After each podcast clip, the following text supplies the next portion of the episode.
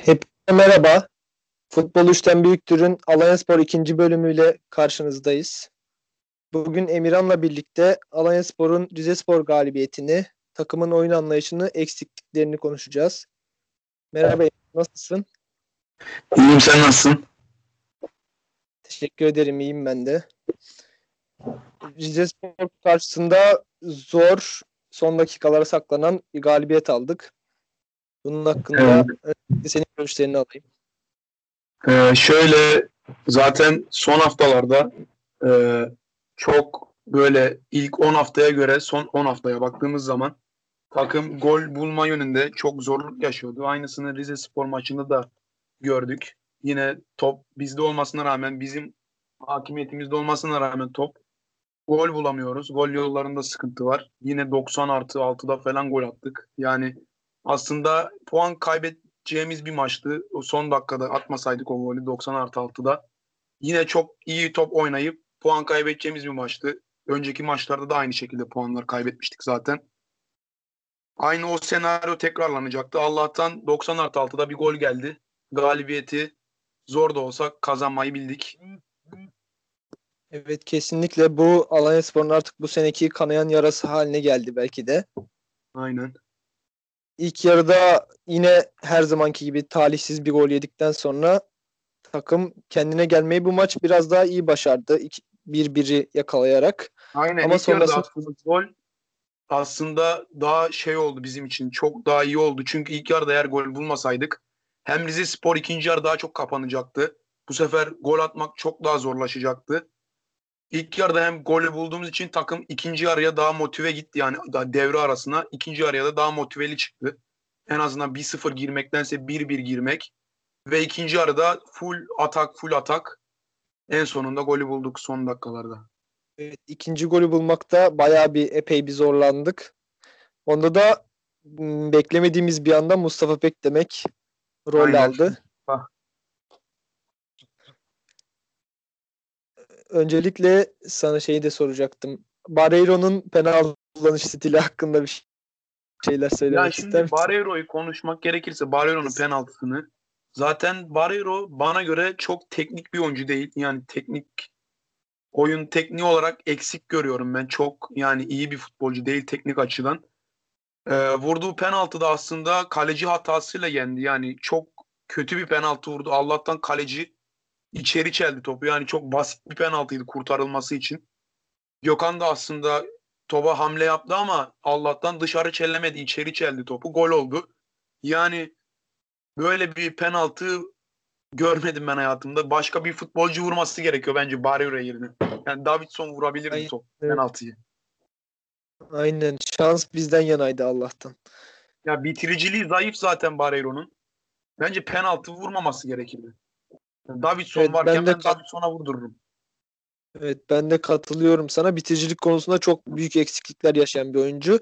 Hırsı ve mücadelesiyle daha çok oyuna tutunmaya çalışıyor. İleride baskı ya, yaptığı baskıyla rakibi bunaltan bir oyuncu. Çağdaş Hoca da bu baskı için tercih ediyor bence Barreiro'yu. Aynen ilerideki presi yani takıma büyük fayda kazandırmıştı. İlk 10 maçta da öyleydi. Barreiro ilk 11'de başladı. Babakar yedekti o zaman. O zamanlar ilk 10 haftada mesela Barreiro ileride çok basıp çok top alıyordu. Ve biz neredeyse hiç atak yemiyorduk. Zaten direkt ileride topu kazanıp sürekli biz atak yapıyorduk. Sürekli biz atak. İşte Davidson olsun, Efecan olsun, Barreiro olsun. İleride çok iyi basıyorlardı.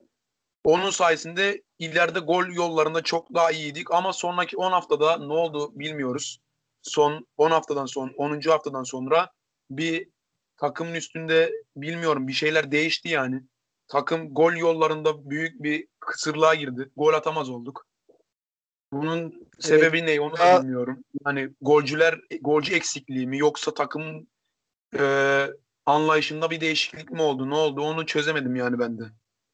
İlk 10 hafta çok fazla gol atan bir Alanya Spor. Ama baktığımızda 10. haftadan sonra gol bulmakta aşırı zorlanan bir Alanya Spor var. Yani penaltılardan, duran toplardan falan gol bulabiliyoruz. O akan oyunda gol bulmamız çok zor. Bakasetas'ın gitmesiyle de olabilir bu. Yani hücumcular artık gol bulamıyoruz yani. Babakar, Barreiro onlardan gol gelmiyor. Genelde Davidson falan atıyor golleri.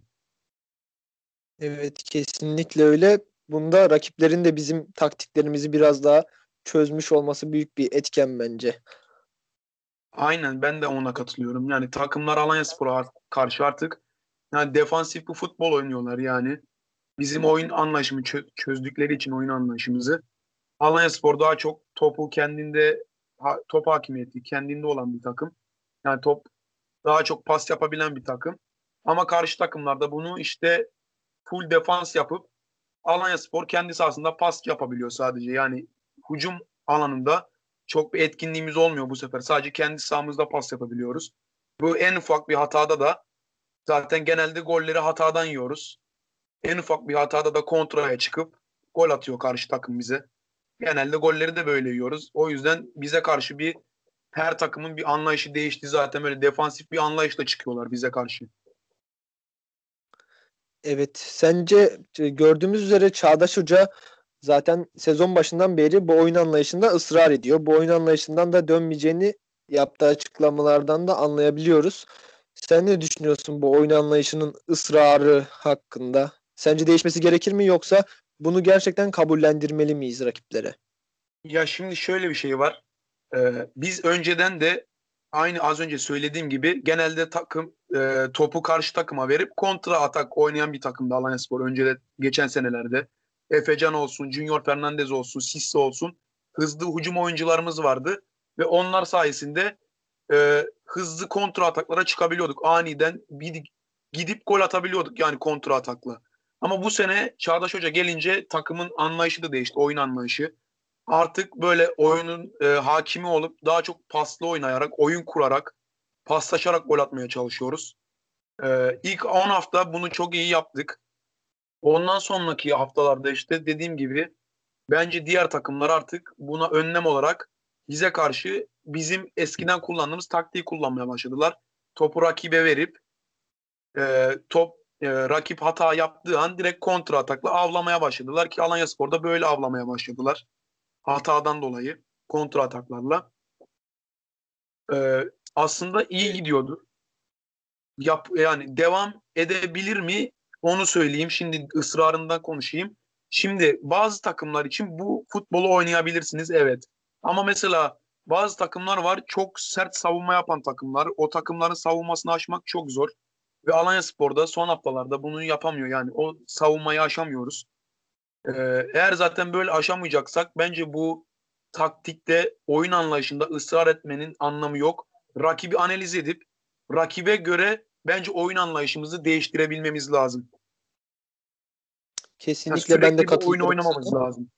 Çünkü sürekli Nabza biz oyun oynarsak rakip takım bizi yani ezberlemiş oluyor ve ona karşı bize bir çözüm buluyorlar. Biz de aynı şekilde bu oyunu sürekli oynamamamız lazım. Biz de rakibi analiz edip ona karşı değişik ona göre değişik bir oyun tarzıyla sahaya çıkma, sahaya çıkmamız lazım bence. Kesinlikle öyle. Ben de sana katılıyorum bu konuda. Bu oyun stili aslında Guardiola'nın daha çok uyguladığı bir oyun stili. Ancak o bile çok iyi bir kadroya sahip olmasına rağmen devamlı bu oyun stilinde ısrar etmemeye çalışıyor. Çünkü açam onun Manchester City'nin bile açamadığı savunmalar oluyor karşısında. Bence dediğin gibi biraz daha alternatiflere bazı maçlarda yönelmek gerekiyor diye düşünüyorum. Yani dediğin gibi Şimdi, aynen. Bir şey daha söyleyeyim. Bir de bahsetmek yani bu oyun, bu oyun anlayışını oynatacaksan e, çok sağlam bir orta saha olması lazım elinde. Çok teknik bir orta sahan olması lazım.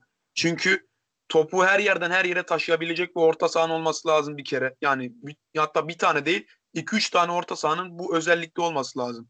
Yani ara paslar, uzun paslar, ayağı bileği sağlam orta sahaların olması lazım ki oyunu tık tık kurabilmen lazım. Ki öyle savunmayı aşabilirsin. Yoksa yani bir geriye pas atıp bir yana pas atıp savunma aşmak yani zor. Aşamazsın o şekilde. Evet sen bu konuyu açmışken o zaman orta saha hakkında konuşmaya geçelim istersen. Şu anki mevcut orta sahanın gol yollarında etkisi veya eksiklikleri ne sence? Yeterli bir orta saha var mı? Bakasetas'ın yeri doldurulabildi mi? Şimdi Bakasetas'ın e, gidişi tabii takımı bayağı etkilemiştir. Çünkü takımın en hücumcu orta sahası yani en çok katkı veren orta sahası Bakasetas'tı. Hücumda aktif rol oynayan Bakasetas'tı. Ee, şimdi Bakasetas gitti. Onun yerine bir transfer gelmedi. Ki bence gelmesi gerekirdi Bakasetas yerini. Çünkü şu an mevcut 11'de Bakasetas'ın yerini doldurabilecek bir orta saha yani Bakasetas kadar yok bence. Bakasetas kadar iyisi yok. Bence Bakasetas gittikten sonra ki iyi bir yani para da getirdi takıma. Bence yerine bir tane orta ofansif orta saha 10 numara alınması gerekiyordu Bakasetas yerine. Takım up yapmadı e, bir transfer 10 numara transferi.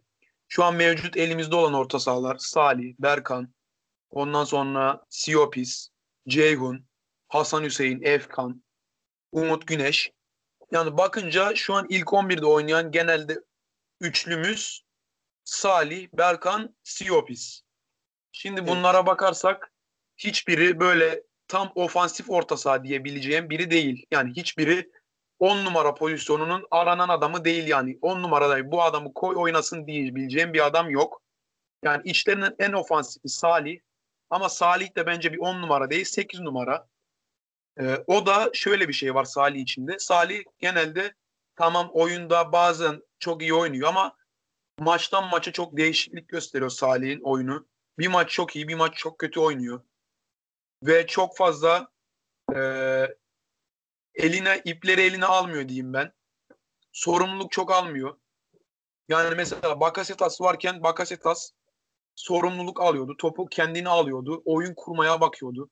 Sağa, sola, ileriye sürekli top taşıyordu. Ki Salih bunu yapması gerekiyor bence. Biraz daha sorumluluk alması lazım eğer o pozisyon için oynayacaksa. Sonracıma diğer orta sahalara bakarsak Berkan e, Berkan da şöyle yani çok koşuyor ama yani etkili olduğunu düşünemem. Yani orta sahada koşuyor ama bir etkisi yok gibi. Hem hücum anlamında hem defansif anlamda. Yani bir katkı veremiyor gibi görüyorum ben yani Berkan'ı. Ee, çok top kaybediyor, çok hata yapıyor bence.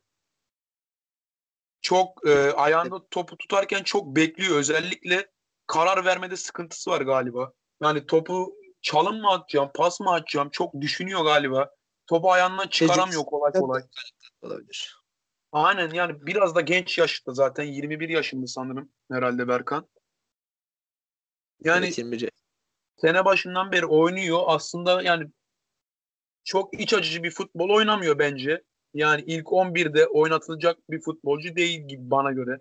Alanya Spor'un ilk 11'inde oynayabilir mi bilmiyorum. Yani benim kafamda soru işareti Berkan. Ee, diğer Siopis zaten defansif özellikli bir orta saha ki bence de görevini gayet iyi yapıyor. Ondan yana hiçbir sıkıntı yok. Zaten Siopis'ten sürekli hücuma çıkıp ne bileyim onu oyun kurmasını, gol atmasını beklemiyor Alanya Spor taraftarının hiçbiri. Defansif bir oyuncu ve işini de gayet iyi yapıyor. Çok iyi pres yapıyor. Sağda yorulmuyor. Sürekli koşan bir oyuncu.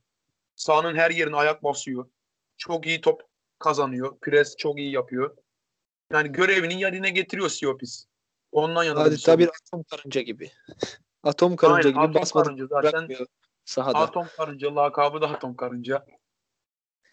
Ben de katılıyorum söylediklerinin hepsine. Hatta ben Bakasitas varken bile Alanya Spor'da takımda hala bir liderlik eksikliği olduğunu düşünüyordum. Çünkü Salih yine orta sahada e, ipleri eline almıyordu söylediğin gibi. Sorumluluğu almıyordu. Bu konuda Bakasitas'ın gidişi gerçekten çok etkiledi bence de. Onun Aynen yerini. Berkan'ın özellikle Berkan'ın, Salim veya Siyopis'in anlattığın gibi oyun stilleri de zaten bunu karşılayacak cinste değil.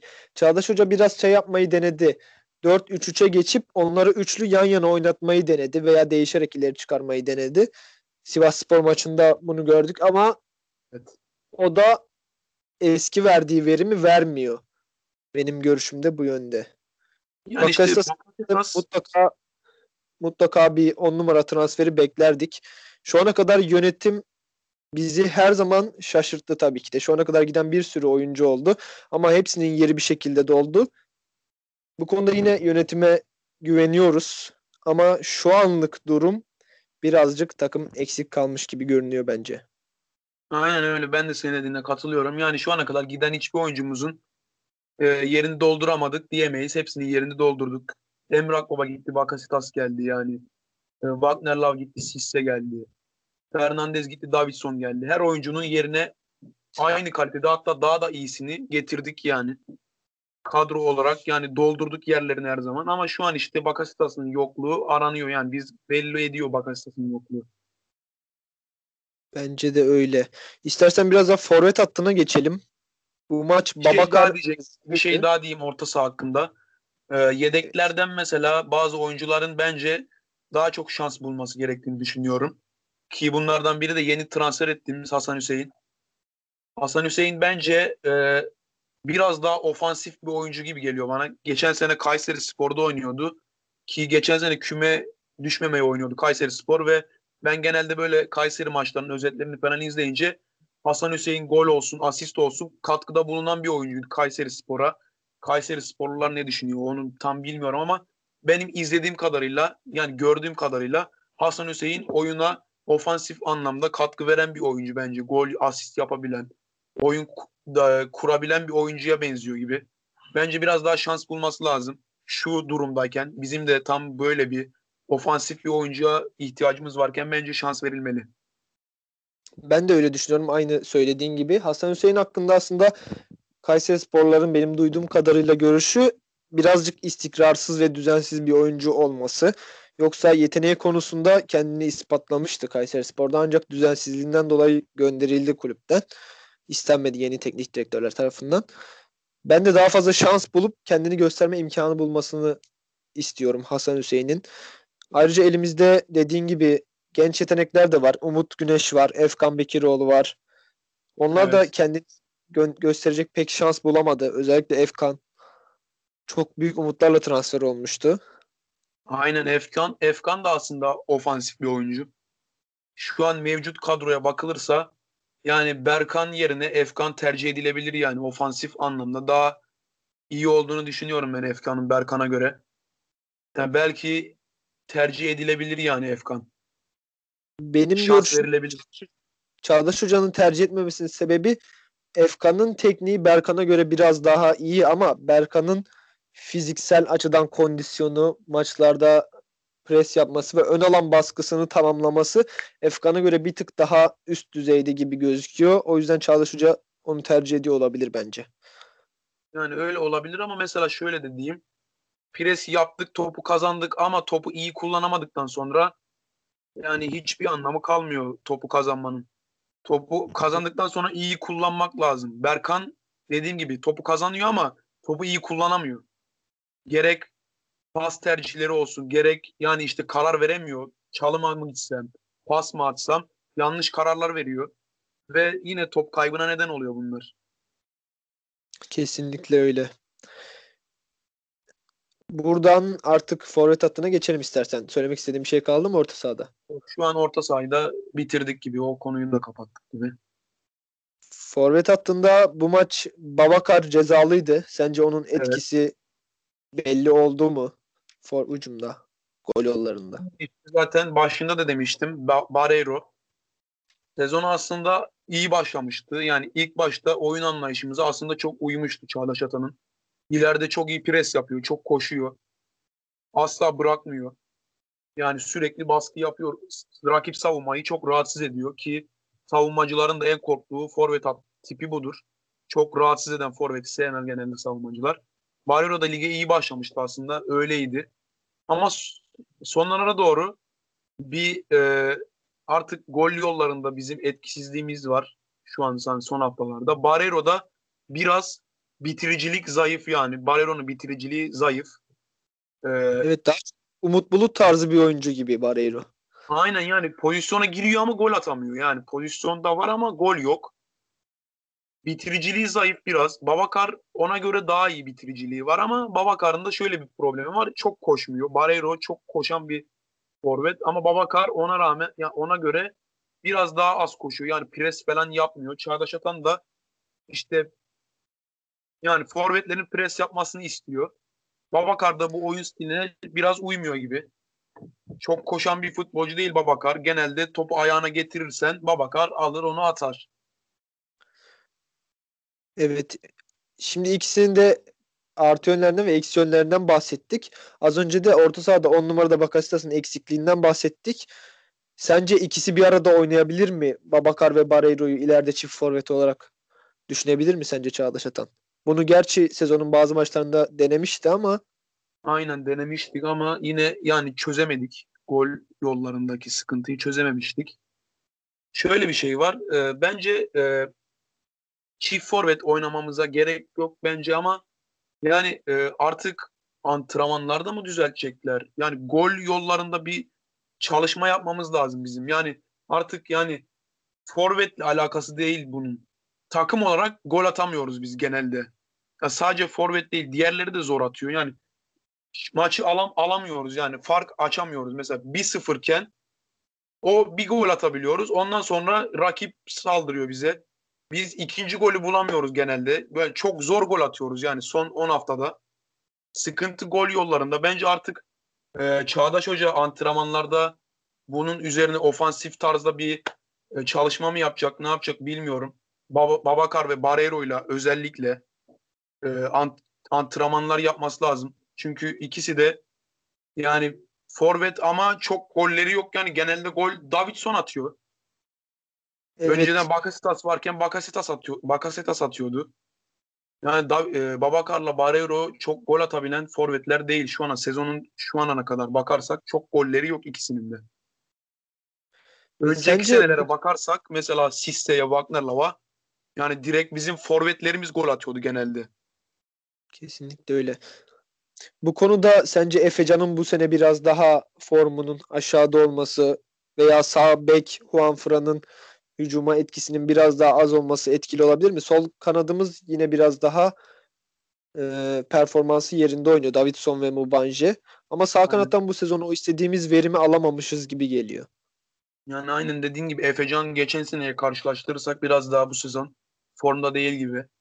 Efecan geçen sene çok iyiydi yani böyle kariyerinin zirvesi falan diyebilirim Efecan için. Juan Fran'da da son haftalarda böyle e, sanki yorgunluk var. Yorgunluk var gibi üzerinde. Eski formunda değil Juan Fran'da. Yani e, o sağ kanatta bir form düşüklüğü var gibi son haftalara bakarsak. Evet bu sıkışık fikstür oyuncuları da gerçekten zorluyor. Bu konuda hafta içi hafta sonu araya ziraat maçları falan gelecek şimdi. Evet aynen öyle. Bu konuda aslında ligde en avantajlı takımlar kadro derinliği sağlamış takımlar. Alanyaspor'un kadro derinliği aslında liste üzerinden baktığında var gibi gözüküyor ama yedek kulübesinden giren oyuncular sanki o ve istenilen katkıyı veremiyor. Az önce de konuşmuştuk. Orta sahadaki genç oyuncular veya hücum hattına sonradan giren Mustafa Beklemeyin her maç katkı verememesi gibi. Bu maç katkısını verdi ama Ya şöyle Kadro- sayısı olarak bakarsak bir derinlik var evet.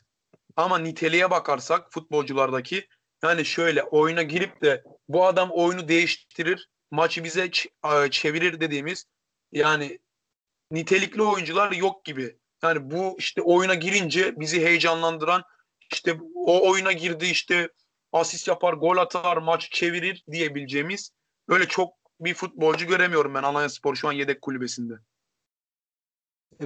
Ben de öyle düşünüyorum. En azından Calma Campos tarzı bir oyuncunun bile olması çok şey değiştirebilirdi bence kulübede.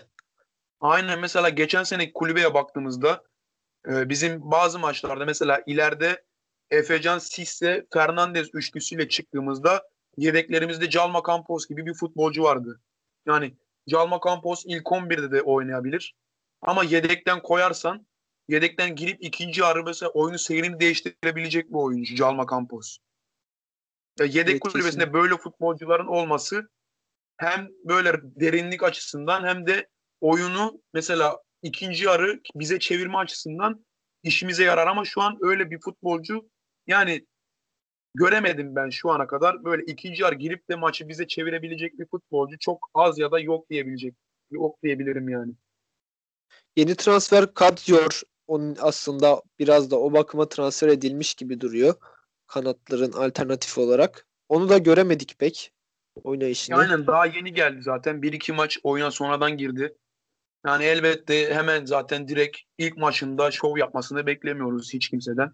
Bir takıma alışması lazım. Ee, bakacağız ileriki maçlarda. Bundan 2-3 maç sonra göreceğiz ne yapabilir. Yani iyi bir futbolcu mu? Anlarsın zaten oynayışından. Anlay anlayabiliriz. 5-10 maç 5 maç sonra falan anlaşılır.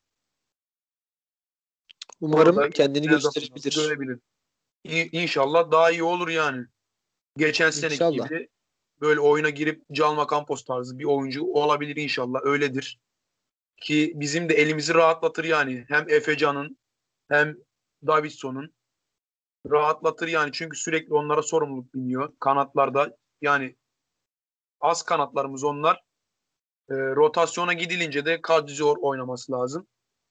İşte o Kadzior eğer iyi oynayabilirse seçilir yani. Kadroya zaman zaman da girebilir ki bu Efecan'la Davidson'u da dinlendirmiş olabilirsin yani. El, onların da rahatlatmış olursunuz. Çok sorumluluk binmez üstüne. Kesinlikle öyle düşünüyorum ben de. Bir de değinmek istediğim bir konu var. Aslında hücumun e, yaratıcılığının eksikliğinden, gol atmanın zorluğundan bahsettik aslında. Ama Alanyaspor gördüğümüz üzere çoğu maçta ilk yarılarda çok basit goller yiyor. Aslında defans hattımız evet güzel, her şey yerinde gibi. Kalecimiz Marafona gayet başarılı. Ama her maç talihsiz mi diyeyim artık yoksa yeteneksizlikten bilmiyorum. Çok şanssız goller yiyoruz. Aynı şekilde ben de sana katılıyorum. Yani yediğimiz gollerde böyle e, akan bir oyunda böyle tık tık tık tık pas yapıp da bir takımın bize gol attığını çok az hatırlıyorum yani. Genelde böyle bir hatadan ya da ne bileyim duran toptan falan gol yiyoruz. Yani çok bazen saçma goller yiyoruz yani o canımı sıkıyor benim de. Çünkü Evet. maç sen oynuyor, Alanyaspor oynuyor ama saçma bir gol yiyor ve kaybediyor maçı. Bu da bizim canımızı çok sıkıyor. Mesela ilk bilmiyorum. Bir yerde bir eksiklik mi var yoksa maçta. bir şanssızlık mı var tam çözemedim daha ya. Stoperlerimize bakınca Zavelas, Kolkır ikisi de iyi. Beklere bakınca Mubanje, Van Fran onlar da iyi. Yani savunma hattımız gayet iyi. Kalecimiz çok iyi Marafona. Ama talihsiz goller yiyoruz. Sebebini ben de bilmiyorum. Rakip takımın şansı mı? Yeteneği Ve bu mi? yediğimiz bu yediğimiz ilk yarıda yediğimiz bu tarihsiz goller rakip takımların en çok işine yarayan şeyler. Çünkü Alanyaspor'a karşı bir gol atıp geri çekilmek yapabileceğin en başarılı olacak taktiklerden biridir diğer takımlara göre. Aynen. Ki zaten çoğu takımda bunu yapıyor. Eğer 1-0 öne geçerse Alanya'ya karşı genelde savunmaya yaslıyorlar. Ki zaten biz de o de e, duvarı aşamıyoruz. Savunma duvarını. Zaten problem var gol yollarında. Bu sefer problem 2 çarpı 2 oluyor yani. Bu sefer çok zor oluyor gol atmamız. Önceki Kesinlikle. haftalarda da bunu çok gördük. İşte geçen hafta mesela geçen hafta değil ondan önceki hafta Erzurum maçında 1-0 geriye düştük. Zor gol yani biraz zor gol attık. Bize zaten ha- sağ koşulları falan da kötüydü. Evet. Sağ koşulları kötüydü. Hızlı Geçen hücumda yediğimiz Kayseri maçında yine. zaten zorladı. Aynı şekilde Kayseri maçında dediğin gibi. Yani Burada Kayseri ilk maçı biz Kasımpaşa maçında. Aynen öyle. Kayseri maçı bizim için birazcık bir puanın iyi geldiği bir maç oldu bence de. Aynen. İç, iç sahada tek bir mağlubiyetimiz var şu an Kasımpaşa maçı. Mesela o maçta da defansın ayağından sekip değiş bir gol yemiştik. Ve o maçı da Bazı- 10 kişi olmasına rağmen Kasımpaşa yine o savunma duvarını aşamadık. Gol üretememiştik. Benim bazı sosyal medyada gördüğüm bir görüş var. Nasıl söyleyeyim sana? Marafona'nın biraz ileride durduğunu savunuyor bazı Alanyaspor taraftarları ve bunun yapmaması gerektiğini söylüyorlar. Sen buna hiç dikkat ettin mi? Bazı golleri ileride durduğu için yediğini söyleyenler var. Yani hiç dikkatimi çekmedi bence. Yani Marafona'nın hatasından yediğimiz bir gol yok ya. Marafona genelde çok hata yapan bir kaleci değil bana göre. Başarılı bir Evet, kaleci. Yani geliyor. Marafona'nın hatasından yemiyoruz bence golleri.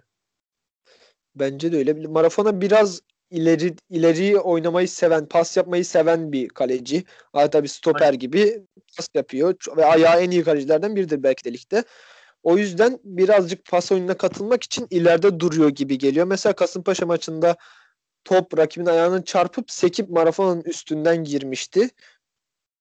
Beni de bu düşündürdü biraz mesela bu konuda. Bazı yorumları gördüm bu şekilde. Marafona artık ileride durmasın denilen yorumları gördüm. O yüzden sana bir sormak istedim bu konuyu. Aynen ben de çok dikkat etmedim ama yani olabilir bilemiyorum yani. Ama bence onun yüzünden değildir. çünkü başarılı bence. Bence Ve de. Umarım talihsiz golleri ligin en çok başarılı pas yapan kalecisi şu an Marafona. Kesinlikle öyle. Umarım bu talihsiz gollerin sonu gelir artık. Biraz Aynen. daha rahat maçlar izleriz. Maçlar Aynen. çünkü birazcık sancılı oluyor bu şekilde devam ederse. Yani gol yedikten sonra gol bulmamız çok daha zorlaşıyor. İlk gol yedikten sonra o yüzden yani bizim de ilk bu hatalardan artık kolay gol yemememiz lazım.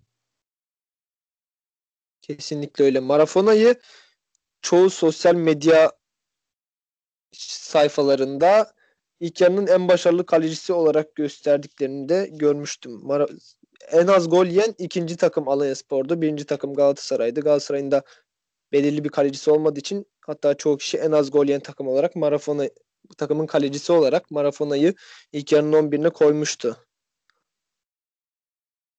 Marafona zaten ben beğendiğim bir kaleci. Yani ben başarılı buluyorum Marafona'yı. Bence çok iyi bir kaleci. Marafona'dan kötü bir yorum yapamayız yani. Marafona gayet iyi bir kaleci bence. bence Ki Alanya Spor'un yıllardır gelen kaleci sorununu bence Marafona ile çözdü yani Alanya Spor. Kesinlikle ben de katılıyorum. Kaleciye çok fazla yatırım da yaptık. Çok fazla çok kaleci. Aç bir takımız kaleciye yani. Ve Marafona bu çoğu kaleciden sonra, Rembiriu'dan sonra, Zlamal'dan sonra, Haydar'ın hmm. formunun düşmesinden sonra gerçekten ilaç gibi geldi takıma. Yani benim gördüğüm Alanya Spor'da en iyi kaleci Marafona. Kesinlikle yani, bence de öyle. Daha iyisi yoktu bence hem de bu pas oyunundaki katkısı sebebiyle ata güven veriyor. Yani oynayan stoperlere arkasında pas atabileceği birisi olduğunu hatırlatıyor. Bence bu da aynen, çok aynen. Ve alıyordur. Uzun toplarda da çok başarılı bence. Kanatlara falan uzun top atıyor. Çok direkt e, oyuncunun ayağına top indiriyor yani. Resmen bir orta saha gibi top dağıtıyor yani. Hucuma da iyi top dağıtıyor. Kesinlikle zaman öyle. Zaman. İstersen önümüzdeki hafta oynayacağımız, önümüzdeki hafta da değil artık 2-3 gün sonra oynayacağımız Hatay Spor maçına geçelim. Hatay Spor deplasmanına gideceğiz. Gerçekten zor bir deplasman ve önümüzde direkt rakip olarak gördüğümüz rakiplerden biri. Artık aynı sıraları sıralar için yarıştığımız rakiplerden biri Hatay Spor. Sence nasıl bir maç olur Hatay Spor maçı? Şimdi ilk başta şeye değineyim. Sıra olarak bizim bu sene herhalde hedefimiz Avrupa'ya gitmektir bence. Çağdaş Atan'ın ve yönetimin hedefi budur bence. Yani şampiyonluk artık çok zor. Ee, biz Avrupa'ya gitme hedefimiz olduğu için şimdi o sıralamaya bakarsak ilk 4'te 5'te bitirmemiz lazım ligi. Ve o aralarda da Hatay hemen arkamızda bizim şu anda. O aralardaki takımlardan biri Fatih Karagümrük, Gaziantep, Hatay, Hatay Spor, Trabzon, Trabzon var. bilir. Bizim doğrudan rakiplerimiz bunlar olacak gibi görünüyor sene boyunca. Aynen ve Hatay'a bakarsak şimdi son haftalarda çok iyi top oynayan bir Hatay Spor. Kendi Gerçekten evinde deplasmandayız. Ve şöyle bir joker var. Bu Penza. Kesinlikle. Yani şu an gol krallığında bir adımlar ilerliyor.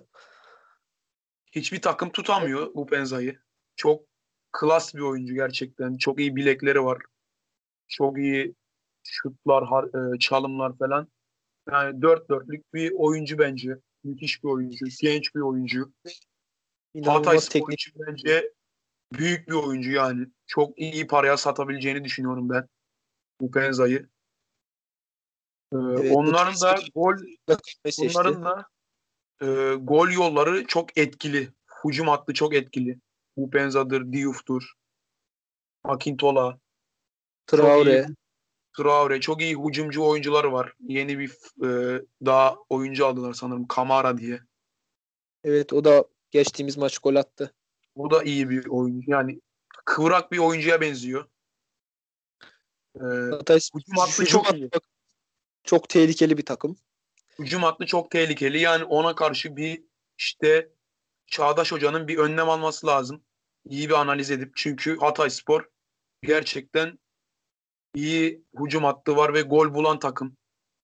Bu, e, bu Penza özellikle bu büyük katkısı var.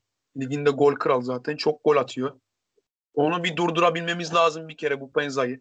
Artık bu görevi kime verir? Kolkır'a mı? Zavelas'a mı? Yani o hücum hattını bir kesmemiz lazım öncelikle Hatay Spor'un.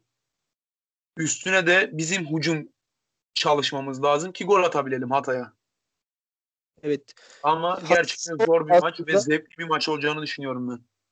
Bence de iki takım da ligin zevk veren takımlarından ve açık oyun oynayan takımlarından. Aynen. Hatay açık oyun oynaması bizim için bir avantaj olur mu? Çünkü oynadığımız maçlarda kapalı oynayan takımlar bizim için her zaman sıkıntı çıkardı.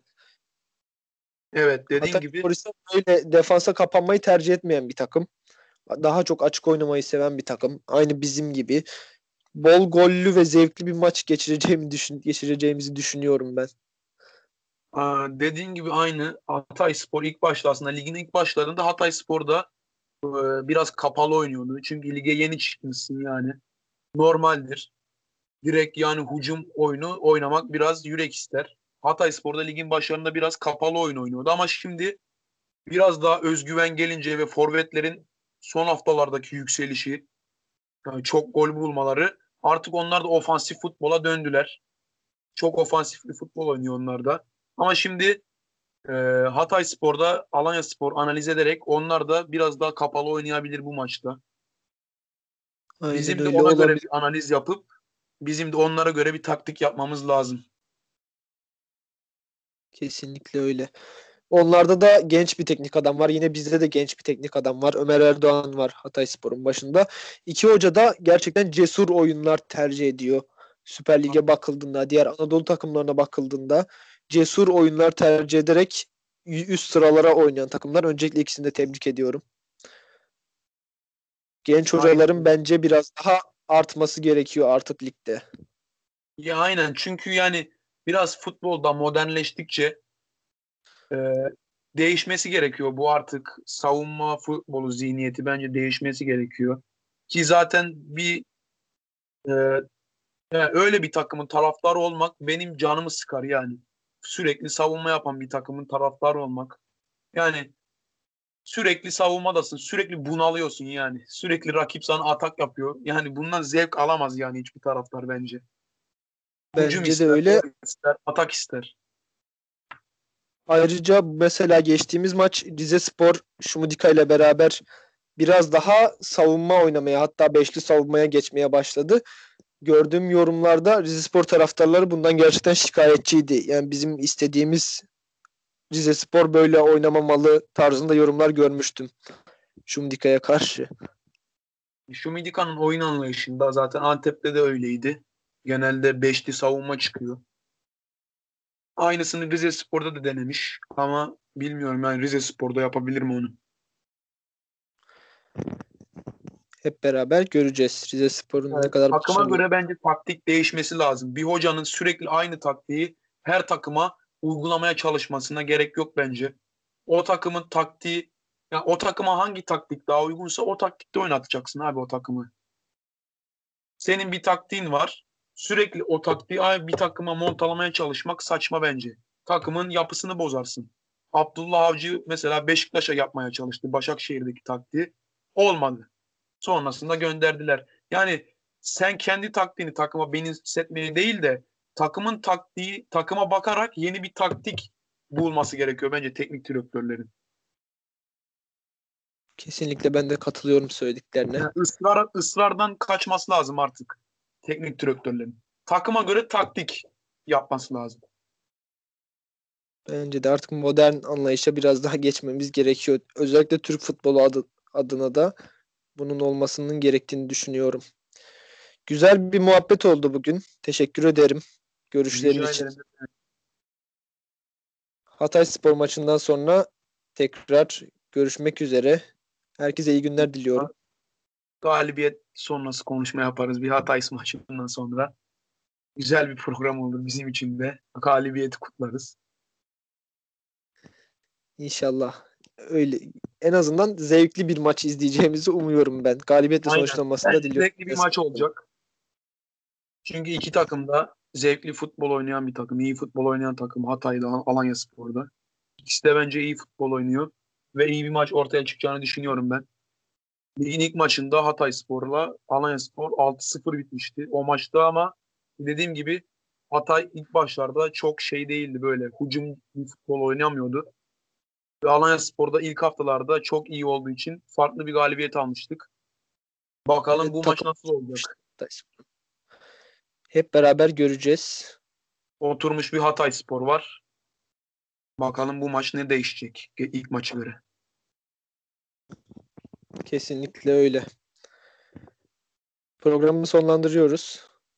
Tekrardan teşekkürler Emirhan sohbetin için. Efendim İyi anlamadım. Tekrardan Son- teşekkür ediyorum sohbetin için. Rica ederim. Ben de teşekkür ediyorum. Herkese iyi günler diliyoruz. Olduğum için. İyi günler herkese.